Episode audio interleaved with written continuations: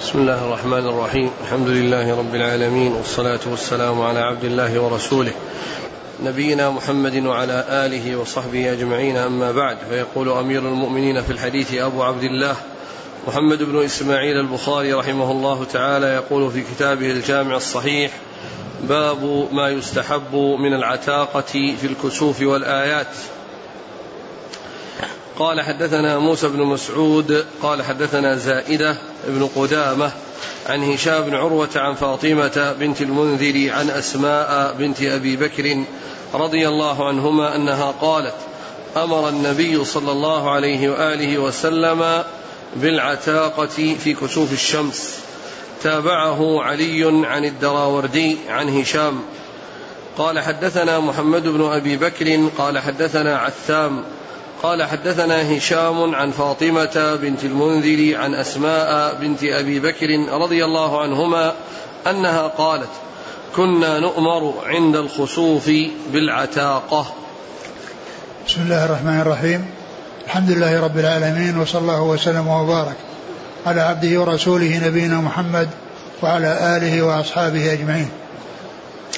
أما بعد يقول الإمام البخاري رحمه الله باب باب ما يستحب من العتاقة في الكسوف والآيات. باب ما يستحق من ما يستحب من العتاقة من العتاقة في الكسوف والآيات. الآيات هي معطوفة على الكسوف وهي من عطف العام على الخاص.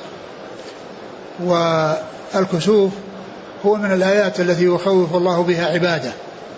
من الآيات التي يخوف الله به بها عباده وقد جاء في هذا الحديث عن أسماء رضي الله تعالى عنها أنها قالت أمر رسول الله صلى الله عليه وسلم بالعتاقة عند الكسوف نعم في كسوف بالعتاقة الشمس. عند بالعتاقة عند كسوف الشمس. والحديث الثاني كنا نؤمر.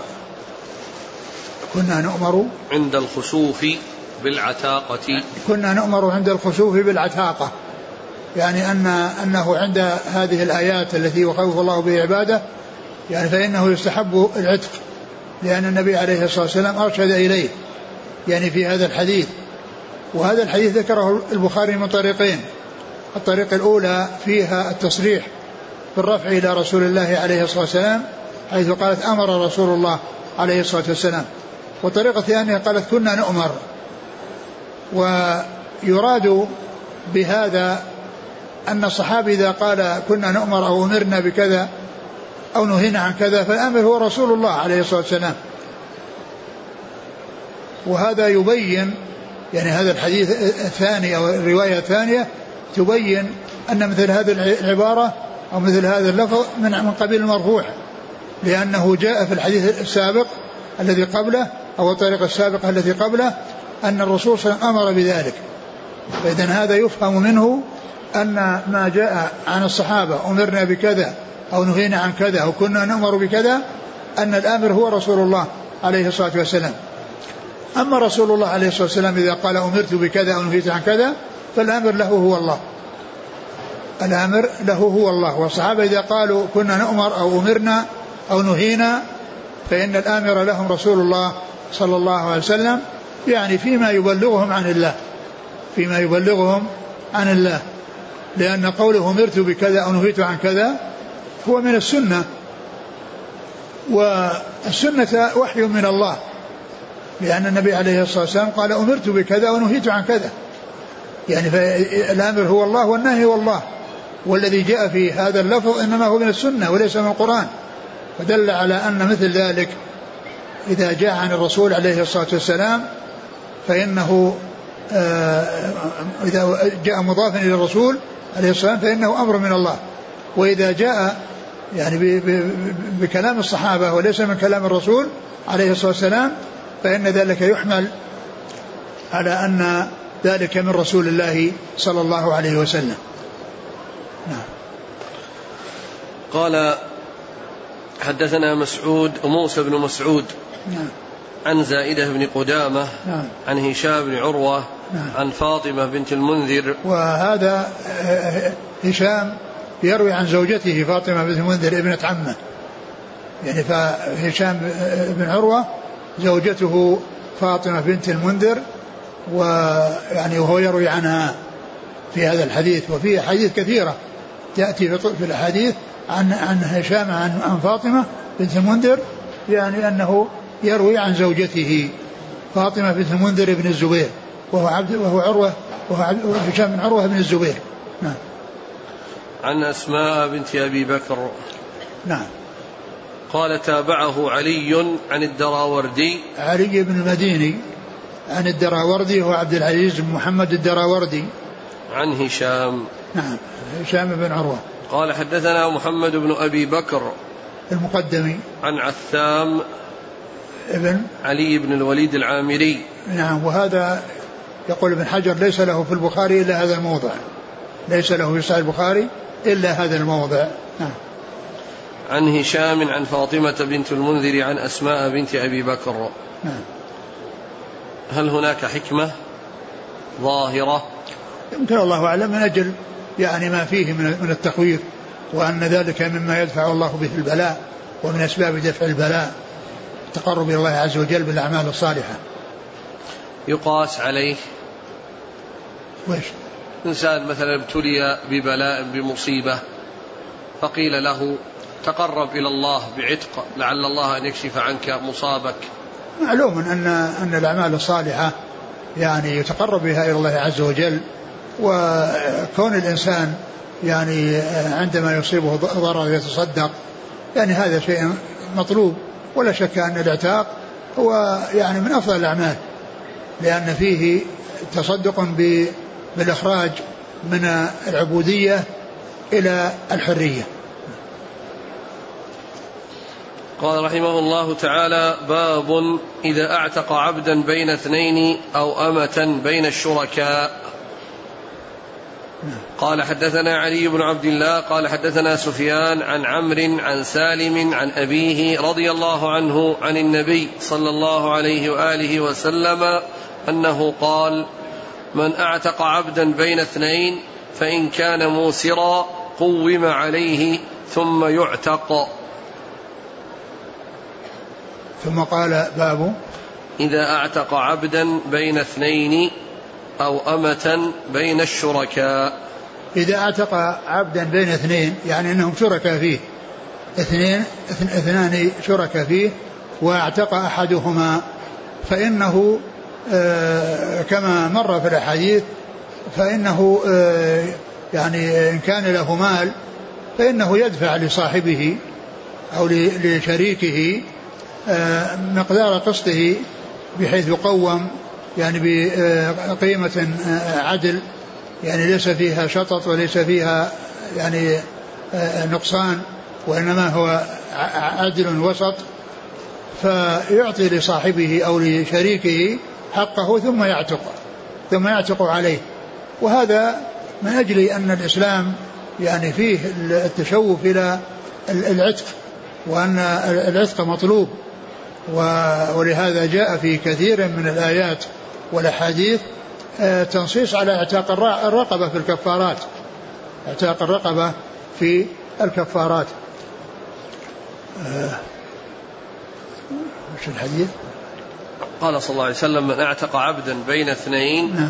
فإن كان موسرا قوم عليه ثم يعتق يعني ثم إن كان موسرا قوم عليه ثم ثم يعتق يعني يكون عتيقا وإن كان غير موسر فقد مر في في بعض الأحاديث أنه يستسعى العبد وأنه لا يشق عليه وإنما يقوم ويقال ابحث عن هذا المقدار من أجل أن يدفع من أجل أن يدفع للثاني الذي لم يعتق ثم يحصل له ثم يحصل العتق بذلك. نعم. قال حدثنا علي بن عبد الله عن سفيان سفيان بن عيينة. عن عمرو بن دينار. عن سالم عن أبيه. نعم. قال حدثنا عبد الله بن يوسف قال أخبرنا مالك عن نافع عن عبد الله بن عمر رضي الله عنهما أن رسول الله صلى الله عليه وآله وسلم قال من أعتق شركا له في عبد فكان له مال يبلغ ثمن العبد قوم العبد قيمة عدل فأعطى شركاءه حصصهم وعتق عليه وإلا فقد عتق منه ما عتق. ثم ذكر هذا الحديث الذي فيه أن من أعتق شركا له في عبد أو, أو شخص له في عبد يعني له في شركاء فإنه يقوم عليه قيمة عدل يعني وسط ثم يدفع لشركائه الآخرين يدفع لشركائه الذين لم يحصل منهم عتق يدفع لهم مقدار ما يقابل حصصهم من ذلك العبد ثم إنه يعتق ثم إنه يعتق بذلك. وإلا وإن لم يكن له شيء وكذلك لم يعني يحصل استسعاء فإنه يعتق منه ما عتق والباقي فيكون مبعضا يعني بعضه حر وبعضه وبعضه رقيق. نعم.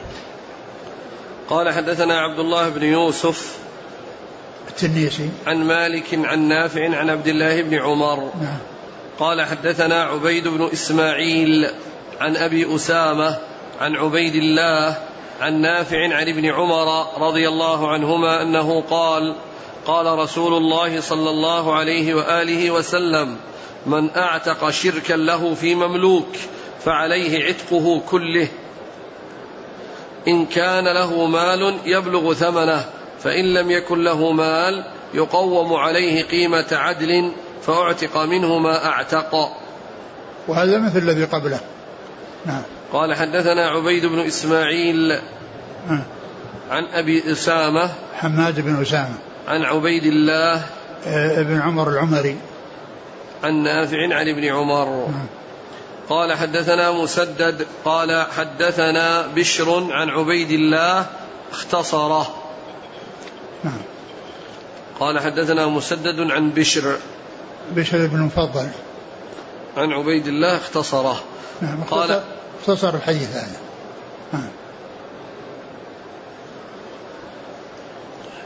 قال حدثنا أبو النعمان قال حدثنا حماد عن أيوب عن نافع عن ابن عمر رضي الله عنهما عن النبي صلى الله عليه وآله وسلم أنه قال من أعتق نصيبا له في مملوك أو شركا له في عبد وكان له من المال ما يبلغ قيمته بقيمة العدل فهو عتيق. قال نافع وإلا فقد عتق منه ما عتق.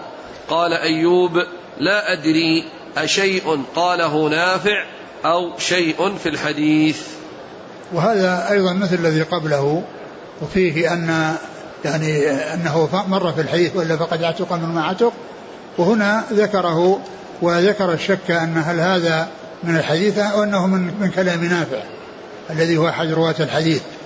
ومعلوم أن أن أن أن أن, أن مفهوم يعني ما تقدم أنه يعتق.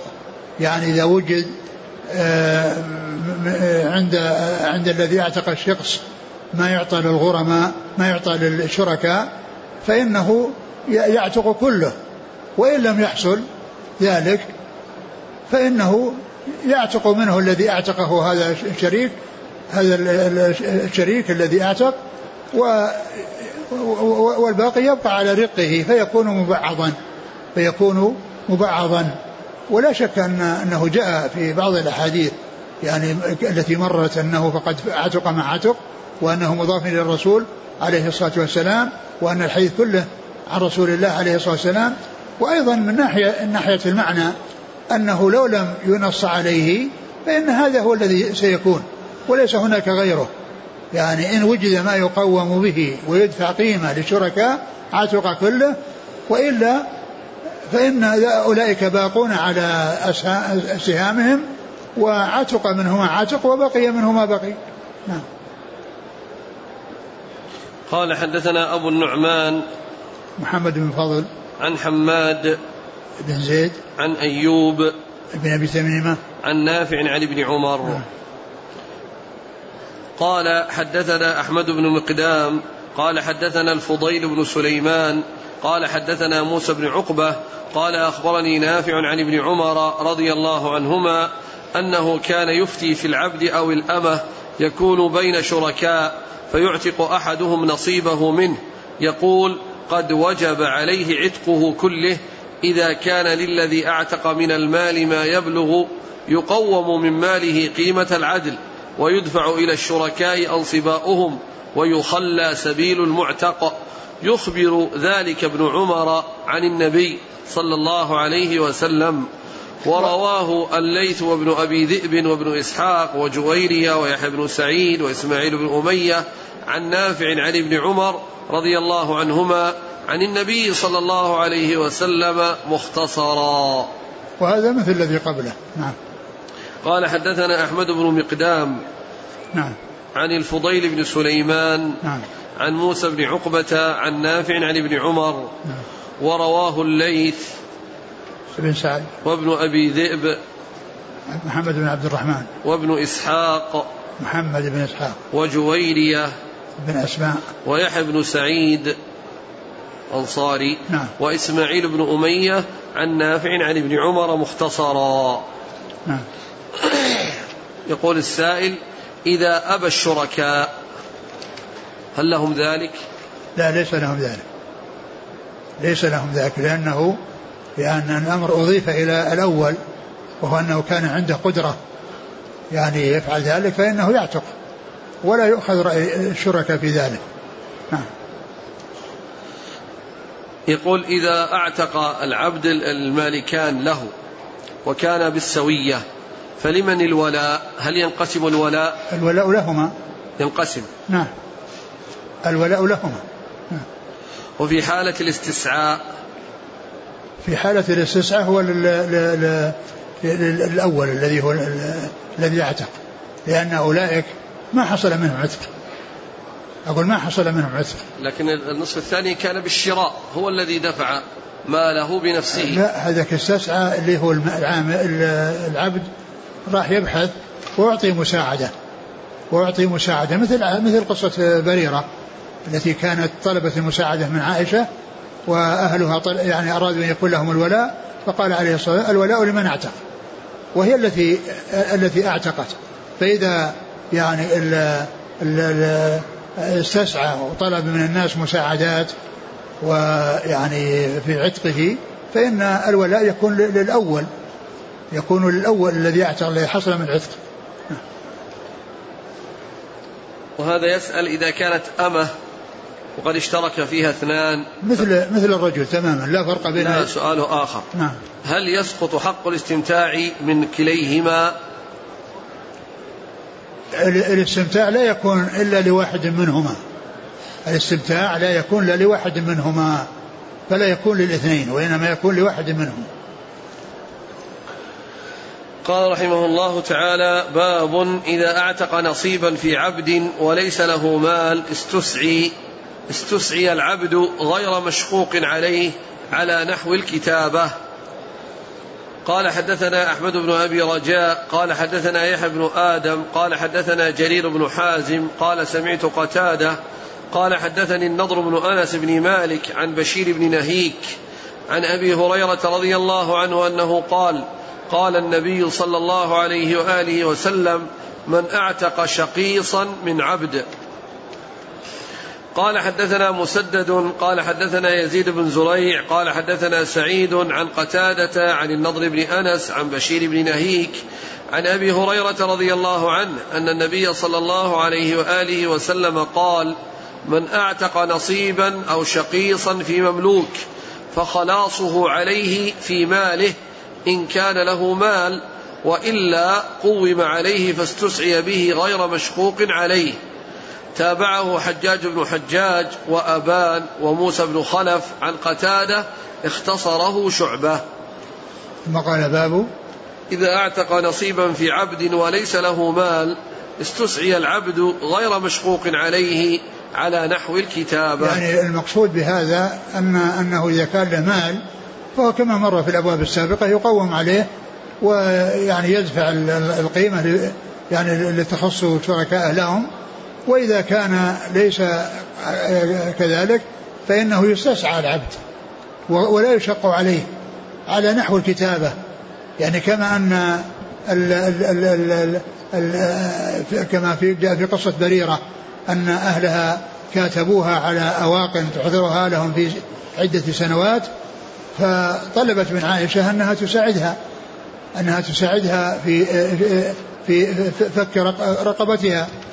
وبعد ذلك أخبرت بأنها تريد أن تدفع كل الباقي عليها وأن الولاء لا وأن الولاء يكون لها يعني معناه أن الاستسعاء أنه مثل مثل المكاتب الذي يبحث أو اتفق معه أهله على أنه يحضر لهم شيء من المال ثم يعتق بذلك. ثم يعتق بذلك. فقال إن الاستسعاء مثل الكتابة. فكما أن المكاتب يعني يبحث في في يأتي يعمل حتى يحصل أو يطلب من يساعده حتى يفك رقبته.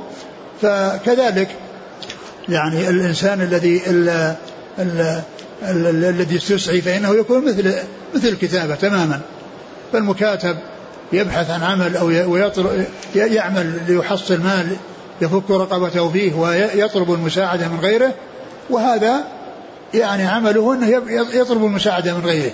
يطلب المساعدة من غيره ولا يلزم ولا يشق عليه فإن فعل فيعني يعتق وإن لم يفعل فقد عتق منه ما عتق وبقي ما بقي على على على الرق للآخرين. نعم.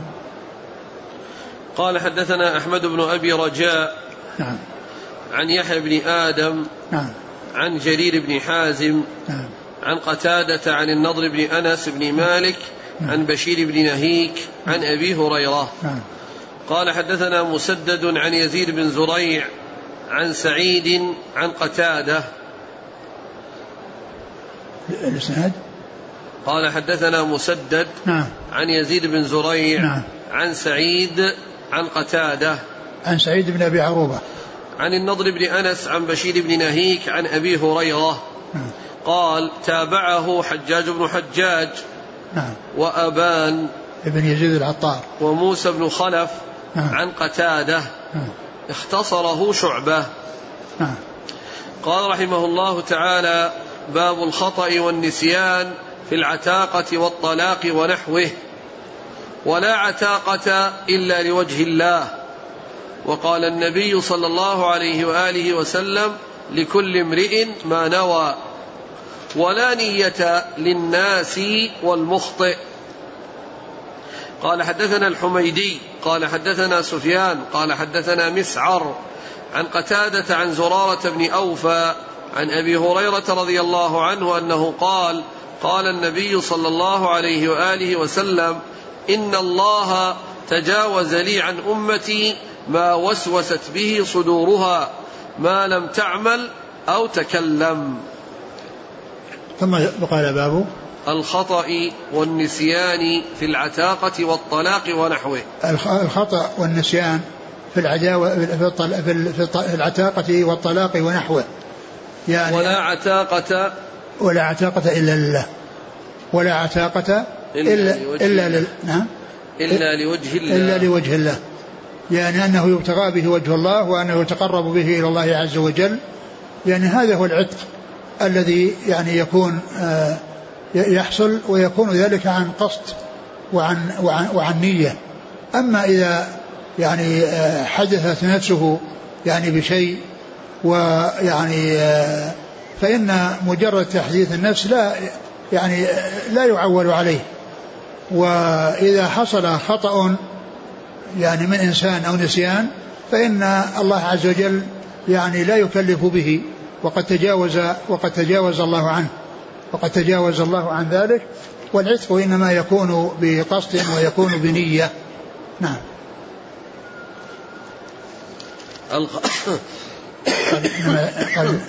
قال, إنما الأعمال بالنيات. نعم. بس في الأول الخطأ والنسيان في نعم. العتاقة والطلاق. نعم. الخطأ والنسيان والعتاقة والطلاق يعني أنه يعني حصل منه يعني آه، مثلا آه، سبق لسان وما إلى ذلك فإن هذا لا يؤثر لا في العتاقة ولا في الطلاق لأنه ما حصلت النية. ما يفرقون بين صريح الطلاق وكنايته؟ فيقولون الصريح لا يلزم فيه النية؟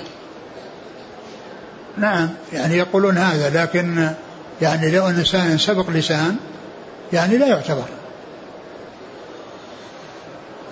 قال وقال النبي صلى الله عليه وسلم لكل امرئ ما نوى ولا نية للناس والمخطئ. نعم. حديث ثلاث جدهن جد وهزلهن جد. نعم هذه ما في خطأ هذا. أقول ما وجد في خطأ ولا وجد في نسيان. يعني لأنه قال هازلا يعني و يعني إن أنه تلفظ بذلك ليس على سبيل الخطأ وإنما على سبيل القصد ولكنه يعني على سبيل المزح وعلى سبيل يعني الممازحة وليس على سبيل الجد وهذا غير غير الإنسان يتكلم بكلام يعني سبق لسان هو ما أراده عن أبي هريرة قال صلى الله عليه وسلم إن الله تجاوز لي عن أمتي ما وسوست به صدورها ما لم تعمل أو تكلم. نعم ما لم تعمل أو تكلم لأن الذي يقع يعني في النفس هذا معفو عنه. وإنما الذي يؤاخذ عليه الكلام يؤاخذ عليه الكلام لكن الشيء الذي في سبق لسان هذا لا يؤاخذ عليه الإنسان. قال حدثنا الحميدي عبد الله بن الزبير المكي. عن سفيان ابن عيينة. عن مسعر ابن كيدام عن قتادة عن زرارة بن أوفى نعم. عن أبي هريرة. نعم. قال حدثنا محمد بن كثير عن سفيان قال حدثنا يحيى بن سعيد عن محمد بن إبراهيم التيمي. عن علقمة بن وقاص الليثي قال سمعت عمر بن الخطاب رضي الله عنه عن النبي صلى الله عليه وآله وسلم أنه قال الأعمال بالنية ولامرئ ما نوى فمن كانت هجرته إلى الله ورسوله فهجرته إلى الله ورسوله ومن كانت هجرته لدنيا يصيبها أو امرأة يتزوجها فهجرته إلى ما هاجر إليه. ثم ذكر حديث عمر بن الخطاب رضي الله عنه الذي هو أول حديث في صحيح البخاري. لأن أول حديث في صحيح البخاري هو هذا الحديث. إنما إنما الأعمال بالنيات وإنما لكل امرئ ما نوى. فمن كانت هجرته إلى الله ورسوله فهجرته إلى الله ورسوله. ومن كانت هجرته لدين يصيبها أو امرأة ينكحها فهجرته إلى ما هاجر إليه.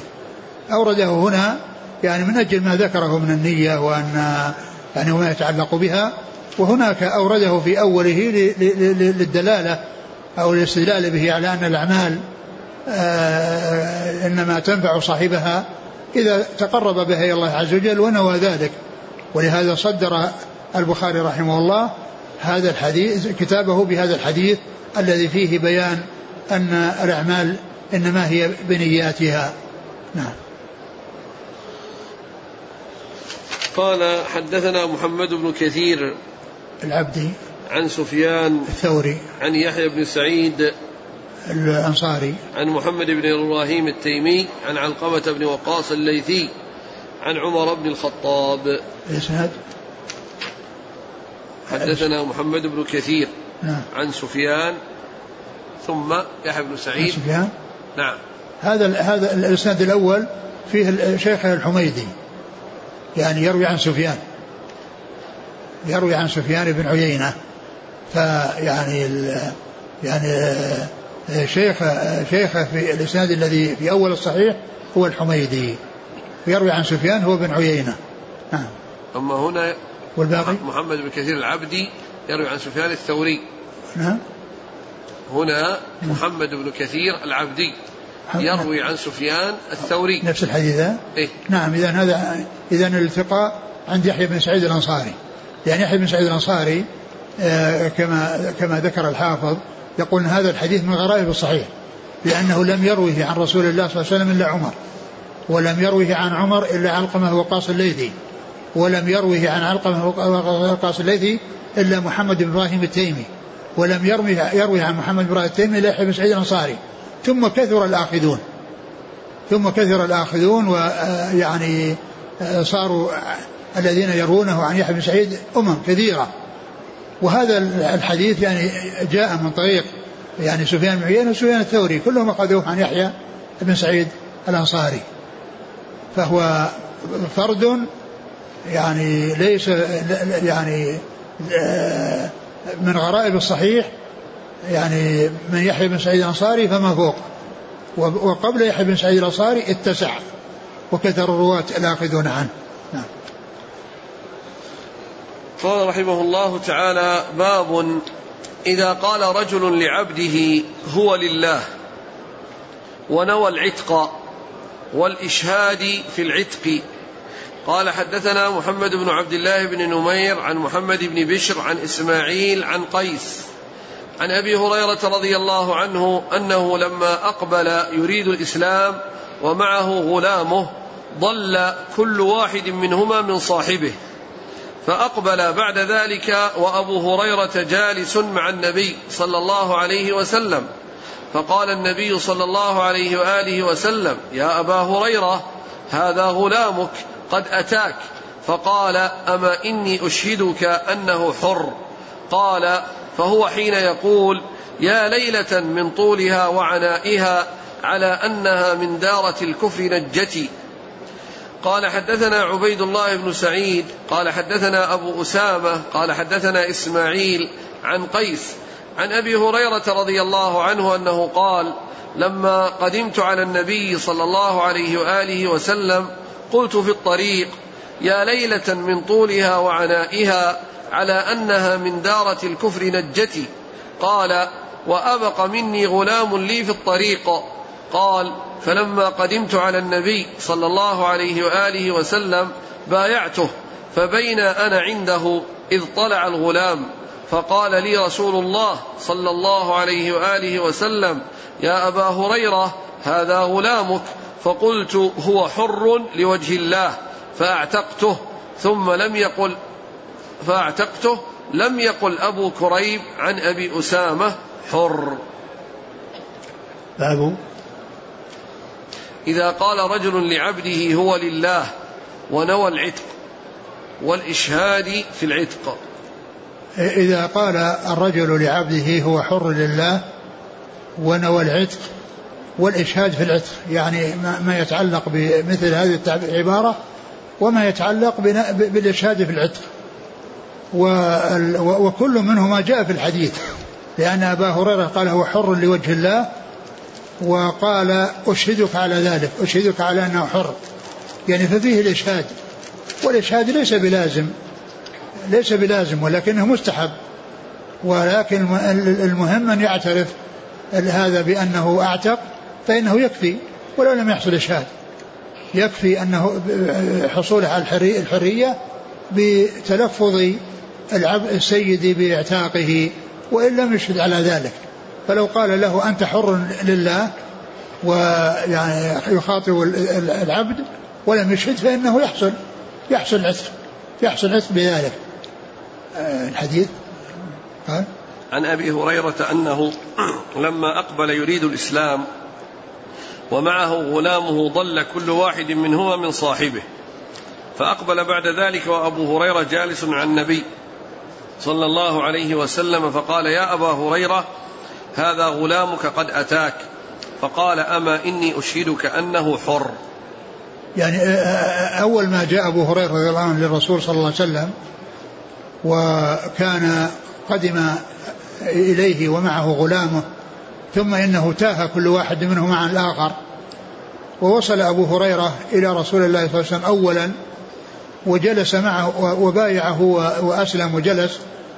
وإذا غلامه يقبل يعني على رسول الله صلى الله عليه وسلم. فقال عليه الصلاة والسلام هذا غلامك قد أتاك. فقال إنه حر لوجه الله وأشهدك على ذلك أشهدك على ذلك. ففيه آه، التعبير بكونه يعني آه، آه، أعتقه لوجه الله وكونه أشهد رسول الله صلى الله عليه وسلم على على ذلك. نعم. الترجمة إذا قال رجل لعبده هو لله. هو لله. ونوى العتق ونوى العتق يعني هو لازم يقول أنت حر. نعم. لا إذا قال أنت حر هذا صريح. صريح ما في إشكال. وأما قال لوجه الله و... و... وأشهد على ذلك لأن مع هذا إشهاد يعني وإن لم يشهد؟ لا يعني على حسبيته إذا كان قصد يعني معنى آخر إذا قصد معنى آخر أما إذا أشهد خلاص هذا هذا صريح. يعني لأنه ها؟ الإشهاد في العتاقة؟ واجب؟ لا مو واجب ليس بواجب أبدا. لو أن إنسان إنسان اعتق عبده وأقر باعتاق عبده ولم يشهد فإن ذلك كافي. لو قال لعبده أنت حر. كفى وخرج بذلك.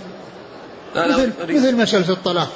لو إنسان قال لزوجته أنت طالق فهي طالق ولو لم يحدث له أنا قصدي أحسن الله إليك ترجمة البخاري. إذا قال رجل لعبده هو لله. ونوى الاعتاق أي. لأنه كان يفهم من هذا أنه ليس مثل كلمة حر. لأن المثال اللي أتى به أو الحديث فيها صريح يعني أشهدك أنه حر. نعم ما أدري هل فيه ألفاظ أخرى فيها التنصيص على هذا. وجاء يعني كم هذا الموضوع الأول؟ اللي بعده في الأخير؟ لا سيأتي حديث آخر. قال أشهدك أنه لله. نفس القصة. إيش لفظه؟ سيأتي حديث لما أقبل أبو هريرة رضي الله عنه ومعه غلامه, غلامه وهو يطلب الإسلام فضل أحدهما صاحبه بهذا وقال أما إني أشهدك أنه لله. في مواضع أخرى بعد هذا؟ الحديث. هنا. آه، سيأتي في أربعة آلاف وثلاثمائة وثلاثة وتسعين. على كل هو يعني وجه الله هذه يعني تحتاج معها إلى نية. لأن الإنسان قد يقول لوجه الله وهو يريد أنه يسبله يعني يقدم في عمل ويقوم في هذا عمل ولكنه يعني باق على حريته على عبوديته لأنها محتملة. يعني لوجه الله يعني إنه يعني يقوم بعمل لوجه الله بأن يخدم في مكان معين وهو باق على على على ملكه أو أنه يعني يحتمل يكون حرا بذلك. فهذا محتمل هذا ومحتمل هذا. لكن إذا قال حر هذا واضح. ولا يحتاج إلى نية إلا إذا كان أنه يعني سبق لسان نعم. الموضع الأخير 4300 وتسعين باب قصة دوس والطفيل بن عمرو الدوسي. قال حدثنا محمد بن العلاء قال حدثنا أبو أسامة قال حدثنا إسماعيل عن قيس عن أبي هريرة قال لما قدمت على النبي صلى الله عليه وسلم قلت في الطريق يا ليلة من طولها وعنائها على أنها من دارة الكفر نجتي وأبق غلام لي في الطريق. فلما قدمت على النبي صلى الله عليه وسلم فبايعته فبين أنا عنده اطلع الغلام فقال لي النبي صلى الله عليه وسلم يا أبا هريرة هذا غلامك. فقلت هو لوجه الله. إيه هو هذا أقول هذا اللي, اللي فيه اللفظ الذي ليس معه كلمة حر وكأنه يشير إلى أو يشير إلى هذه الرواية. على طريقته أحيانا يترجم بشيء ولا يكون محل الشاهد موجود فيما ساقه في الباب وإنما يكون في مكان آخر. وكلمة وجه الله يحتمل أنه أراد به العتق ويحتمل أنه أراد به أن يسبله في مسجد أو في يعني في مكان معين يعني يقوم بخدمته وما يتعلق به. فلا يكون بذلك معتقا وإنما يكون يعني محصورا عمله في الذي يملكه سيده في قربة وفي طاعة لله عز وجل وهي خدمة مسجد من المساجد. قال حدثنا محمد بن عبد الله بن نمير نعم. الكوفي الهمداني نعم. عن محمد بن بشر الكوفي نعم. عن إسماعيل بن أبي خالد. الأحمسي الكوفي نعم. عن قيس بن أبي حازم. الكوفي نعم. عن أبي هريرة. قال رجاله كوفيون إلا الصحابي. نعم. هنا قال ومعه غلامه ضل كل واحد منهما عن صاحبه. نعم. يعني كل واحد يعني الغلام يريد سيده والسيد يريد عبده وكل منهما تاع عن الآخر. في الحديث الثاني قال وأبق مني غلام لي في الطريق. آه، أبق يعني كأنها المقصود بها ليس معنى أنه شرد يعني وإنما آه، مثل ما قال في الروايات الأخرى أنه ضل. يعني ومعنى ذلك عبر عنه بهذا وعبر عنه بهذا. نعم.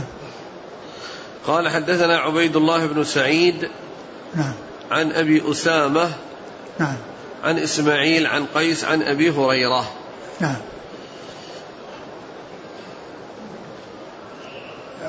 قيس بن أبي حازم هذا من المخضرمين الذين أدركوا الجاهلية والإسلام وهو من كبار التابعين الذين أدركوا الكثير من الصحابة ويقال إنه لم يروي عن أحد عن العشرة المبشرين بالجنة إلا هو يعني من المخضرمين الذين أدركوا الجاهلية والإسلام.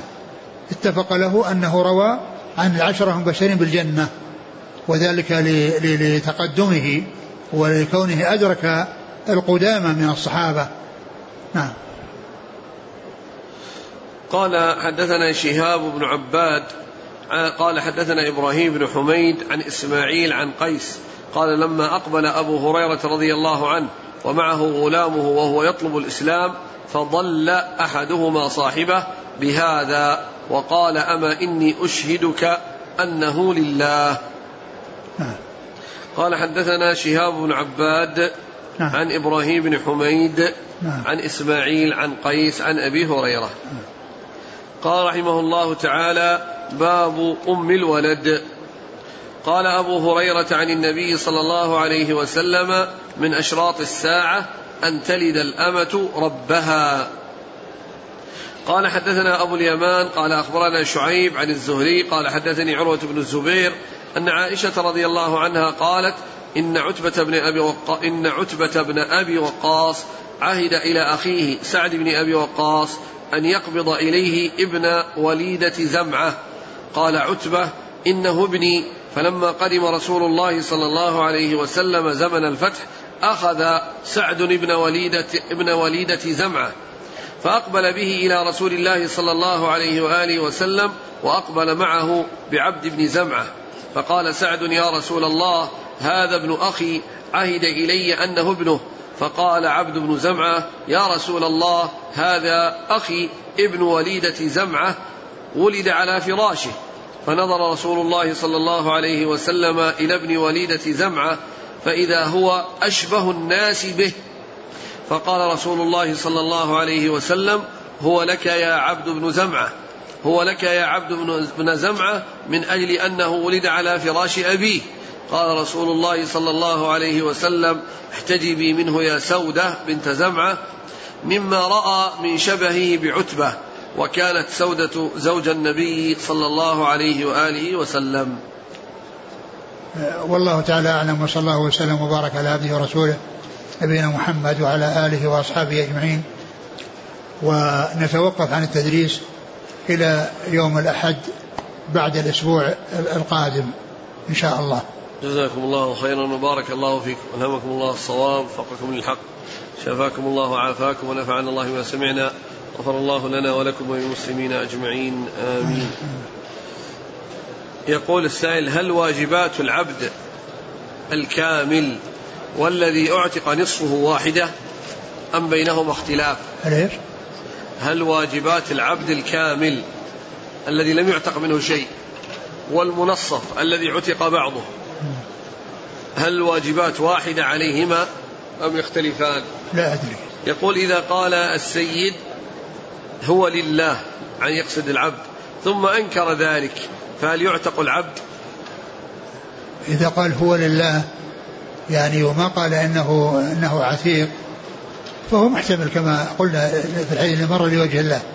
أما إذا قال هو حر لوجه الله وأنكر فإن كان هناك يعني شهود يشهدون عليه بأنه قال ذلك فإنه يكون حرا وإلا فإنه يعني باق على على حريته لأن ما حصل منه ما حصل منه يعني ما حصل شهادة وما حصل منه اعتراف بأنه اعتقه بحيث يعني يكون عرف عرف ذلك عنه.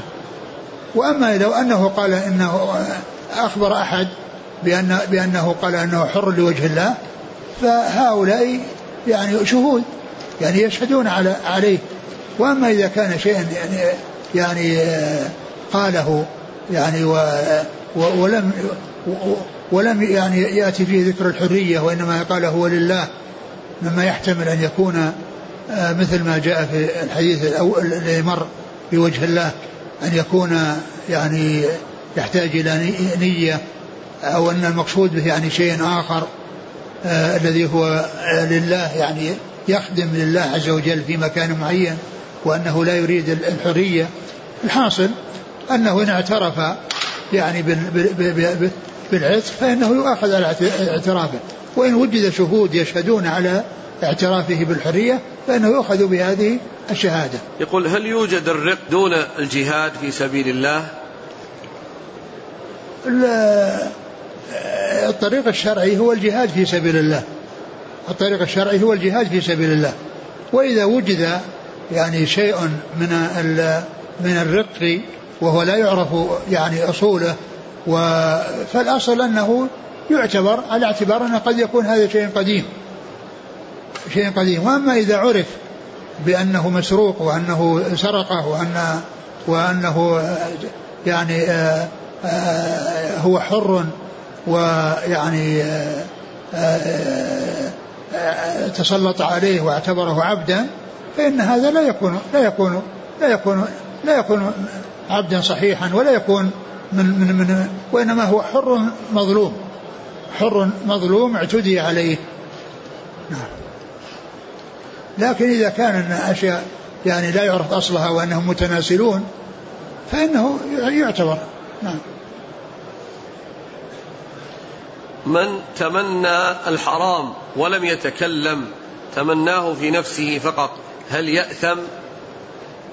إذا تمناه أو وقع في في باله ويعني آه، تركه لوجه الله تمناه ثم إنه ترك لوجه الله فإنه يؤجر على ذلك فإنه يؤجر على ذلك.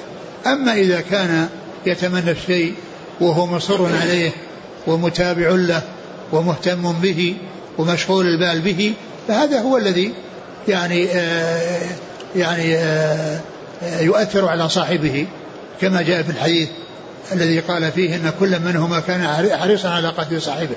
ان كل واحد منهما قال هما في النار القاتل والمقتول في النار قال هذا هذا القاتل فما المقتول قال إنه كان حريصا على قتل صاحبه. هذا يقول يا شيخ عند عندنا في منطقتنا التي أعيش فيها الناس يزرعون شجرة الدخان. و فهل عليهم؟ يقول ما حكم زراعتها؟ ثم بالتالي يقول هل عليهم أن يخرجوا الزكاة؟ أولا هذا يعني شجرة خبيثة وغرسها محرم وأخذ وأخذ الدخان منها من هذه الشجرة محرم وبيعه وشراؤه حرام. ومعلوم أن أن الزكاة إنما تكون فيما هو حلال ولا تكون فيما هو حرام. إن الله طيب لا يقبل إلا طيبا. وهذا خبيث من الخبائث. وهذا خبيث من الخبائث فإذا يعني آه، آه، لا تجوز زراعته ولا يجوز بيعه ولا يجوز شراؤه وكل ما يصدر من يحصل من ذلك فهو كسب حرام. وإذا حصل ذلك فإنه لا زكاة فيه لأن هذا محرم. هذا مال حرام يعني لا يزكى. الزكاة تكون في الطيب فيما أحل الله ولا تكون فيما حرم الله. يقول هل يجوز للشخص أثناء عمرته أن يحمل معه رسالة يقرأ منها الأذكار الواردة مثل الدعاء أثناء رؤية الكعبة وغيرها؟ الأدعية إن كان الإنسان يحفظ يعني يدعو بما حفظ وإن لم يدعو فله أن يكون معه كتاب فيه أشياء صحيحة لا إشكال فيها ولا محذور فيها ويقرأ منها لا بأس بذلك. لكن ليس ليس كل كتاب يقرأ يقرأ لأن بعض الكتب يعني يكون فيها خرافات ويكون فيها أمور منكرة فلا يقرأ الإنسان إلا شيئا هو مطمئن إليه ومرتاح إليه. يقول هل يجوز للغلام أي العبد أن يدفع أموال أموالا لسيده بقصد العتق؟ كأنه ما فهم الاستسعاء. يعني أولا أولا هو يعني عاتق بعضه الذي في الاستسعاء عاتق بعضه ويطلب منه أن يعني يحضر يعني هذه الأموال ويدفعها لسيده ما دام أنها قومت وأنه إذا أتى بهذا المقدار فإنه يعني يعتق بذلك. نعم يدفعها لسيده أو يدفعها لهذا الذي يعتق ويدفع إليه. كل منهما صحيح. يقول ما هل يجوز تمني الموت؟ الرسول عليه الصلاة والسلام قال لا تمنوا الموت. يتمنى أحدكم الموت لضر نزل به. فإن كان يعني لابد فليقل اللهم احيني. إذا كانت الحياة خيرا لي وتوفني. إذا كانت الوفاة خيرا لي. لأنه لا تمنى الموت. يعني هو يمكن وقع في, في, في مصيبة أو في عذاب دنيوي. قد يكون وراءه عذاب أخروي والعذاب الأخروي يعني شديد وليس العذاب الدنيوي الدنيوي بشيء يعني عند العذاب الأخروي وهل إذا حصل منه ذلك يرتاح ويكون يعني إلى نعيم؟ الإنسان يسأل الله آه، أن يحييه إذا كانت الحياة خيرا له وأن يتوفاه إذا كانت الوفاة خيرا له. وهذا هو الدعاء الجامع الذي فيه المصلحة يعني في الدنيا وفي الآخرة. يقول هل يجوز التفريق في المقابر بين الأحرار والعبيد؟ فعندنا يقولون أن بعض القبائل هؤلاء عبيد فلا يزوجونهم وإذا ماتوا فلا يدفنونهم إلا في مقبرة خاصة بالعبيد. هذا غلط. المسلمون يدفنون يعني في مقابر المسلمين. ولا يميز العبيد عن الأحرار. ما دام أنهم مسلمين فإنهم يدفنون في مكان واحد. ويدفن في المقبرة من مات من الأحرار والعبيد. ولا يكون لهؤلاء مقبرة وهؤلاء مقبرة هذا من الأمور المحدثة التي ليس لها أساس في الدين. يقول آه، أحسن الله إليك. ما حكم قضاء الرواتب القبلية إذا كان تركها بسبب تفريط وليس بسبب شغل أو نسيان؟ يعني كون الإنسان يعني تركها عمدا ثم طرأ له أنه يأتي بها فيفعل ذلك. لا بأس بذلك. لا يقال أنه إذا تركها عمدا لا يتداركها بل يتداركها سواء يعني فاتت عليه وجاء والناس يصلون وذهب يعني لم يتمكن من الاتيان بها أو أنه ما فعلها أو تعمد أنه ما يفعلها ولكن طرأ له بعد ذلك أن يقضيها. لا بأس بذلك لأن هذا خير. يقول هل يجوز للإنسان أن يقوم بعمرة عن والدته العجوز المريضة؟ الحج لا يحج عنه ويعتمر إلا في حالتين اثنتين.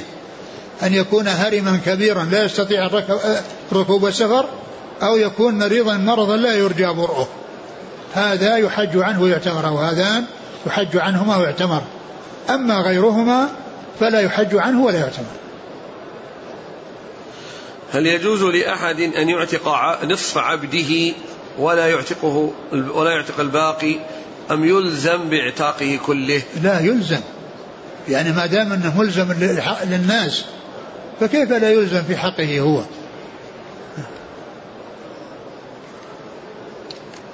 هذا سؤال يقول لو أن امرأة حرة أرادت أن تجعل نفسها أمة لرجل فقالت أنا أمة لك هل يقع هذا؟ لا أبدا لا, لا يقع ولا يصح هل تعامل الخادمة مثل الأمة؟ يعني بالإحسان أقول بالإحسان لا شك يحسن إلى الإمام ويحسن إلى الخدم ومعلوم أن الخدم يعني أحرار ولكنهم مستخدمون وأما تلك فهي مملوكة ومنافعها يعني لمالكيها وأما هذه التي هي فهي يعني طارئة ويعني استئجار لمدة معينة التي هي الخادمة وتخدم وتذهب. أما تلك فهي أمة. يعني يبيعها الإنسان أو أو يهبها أو يعتقها أو ما إلى ذلك. يقول إذا كانت المرأة ليس لها محرم قط فكيف تسافر لصلة أرحامها؟ إذا كانت مرأة ليس لها محرم. نعم. تريد تسافر لصلة الرحم. تتزوج ويصير لها محرم. نعم. يقول السائل أمي نصرانية وأرجو إسلامها لكن أصابتها الحاجة بعد وفاة أبي وهي الآن تريد أن تبيع قطعة من أرضها للكنيسة. فما حكم الأكل من مالها علما بأنها إلى الآن تؤجر الأرض للكنيسة؟ الواجب عليك أن تحرص غاية الحرص على إخراجها من الظلمات إلى النور وهدايتها للصراط المستقيم. يعني عليك أن تجتهد غاية الاجتهاد من أجل إنقاذ أمك من هذا الهلاك ومن هذا الضياع ومن كونها تكون من أهل النار وتكون خالدة مخلدة في النار. إلى غير نهاية. هذا هو أعظم بر يحصل من الابن ل ل يعني لوالده بأن يخرجه من الظلمات إلى النور. فأنت تحرص على هدايتها. وش السؤال هو يسأل عن إيش؟ عن يقول أنا عند لا هي الآن عندها قطعة أرض بتعطيها للكنيسة. نعم. فبالتالي هل يجوز أن يأكل من مالها؟ كان السائل يقول هل يجوز أن أستخدم مال والدتي؟ وهي لا زالت تؤجر. هل, هل يجوز؟ أستخدم مال الوالدة. نعم. وهي تؤجر أرضها للكنيسة. مالها يعني جاء من خلال الإيجار أو البيع على كنيسة. إيش؟ إيش؟ سأل نفس السؤال الأول. أمي يقول أمي نصرانية. إيه؟ وقد واحتاجت بعد وفاة أبي فباعت قطعة الأرض لأجل إنشاء كنيسة. إيه؟ هل يجوز لي أن آكل من مالها آه، أولا آه، هذا الذي حصل منها إذا قدرت على صرفها عنه والحيلولة دون ذلك الذي هي كونها تجعلها للكنيسة.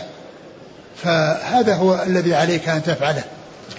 وإذا كنت مستغنيا عنها فيعني كل مما أغناك الله به. وإن كنت غير مستغن فأنت تشوف إذا كان عندها أشياء يعني سليمة وليس فيها محذور فأنت تأخذ يعني من ذلك الذي يكون عندها وفيه سلامة. نعم. يقول شيخنا الفاضل أحسن الله إليكم أشكلت علي مسألة الحر الذي سرق واستعبد. وش يقول ذكرت أنه لا يكون رقيقا. وش الإشكال؟ معلوم أن سلمان الفارسي أخذ عنوة وبيع لليهود على أنه عبد. ولما أسلم سعى النبي صلى الله عليه وسلم في جمع المقدار الذي كاتب عليه ولم يقل لليهود إنه حر وإنما استعبد ظلما. كذلك يقول صهيب الرومي حيث سرق وهو صغير وسرى عليه حكم الرق بينوا لنا الأمر بارك يعني الله فيكم. أقول هذا يعني يكون من باب التخليص. يعني وليس من قبيل يعني الشراء والعتق وإنما هو من قبيل التخليص من هذا من هذا البلاء الذي قد حصل والظلم الذي قد حصل. يقول امرأة حائض سوف تطهر بعد وصولها إلى مكة المكرمة. هل تحرم قبل أن تطهر من المدينة؟ إيش؟ إيش؟ امرأة حائض سوف تطهر بعد وصولها إلى مكة. هل تحرم قبل أن تطهر من المدينة أم تحرم بعد طهرها في مكة؟ لا تحرم من المدينة وهي حائض. وإذا وصلت مكة تبقى في لا تدخل المسجد حتى تطهر وتغتسل الغسل من الحيض وبعد ذلك تؤدي عمرتها. تؤدي عمرتها. يعني فهي الحرام من المدينة ليس من مكة. ما دام أنها يعني تعرف أنها ستكون يعني آآ آآ ينتهي قبل يعني بعد وصولها فإنها تحرم وتبقى على إحرامها ولا تدخل مكة تدخل الحرم المسجد إلا بعد طهرها فتدخل وتطوف.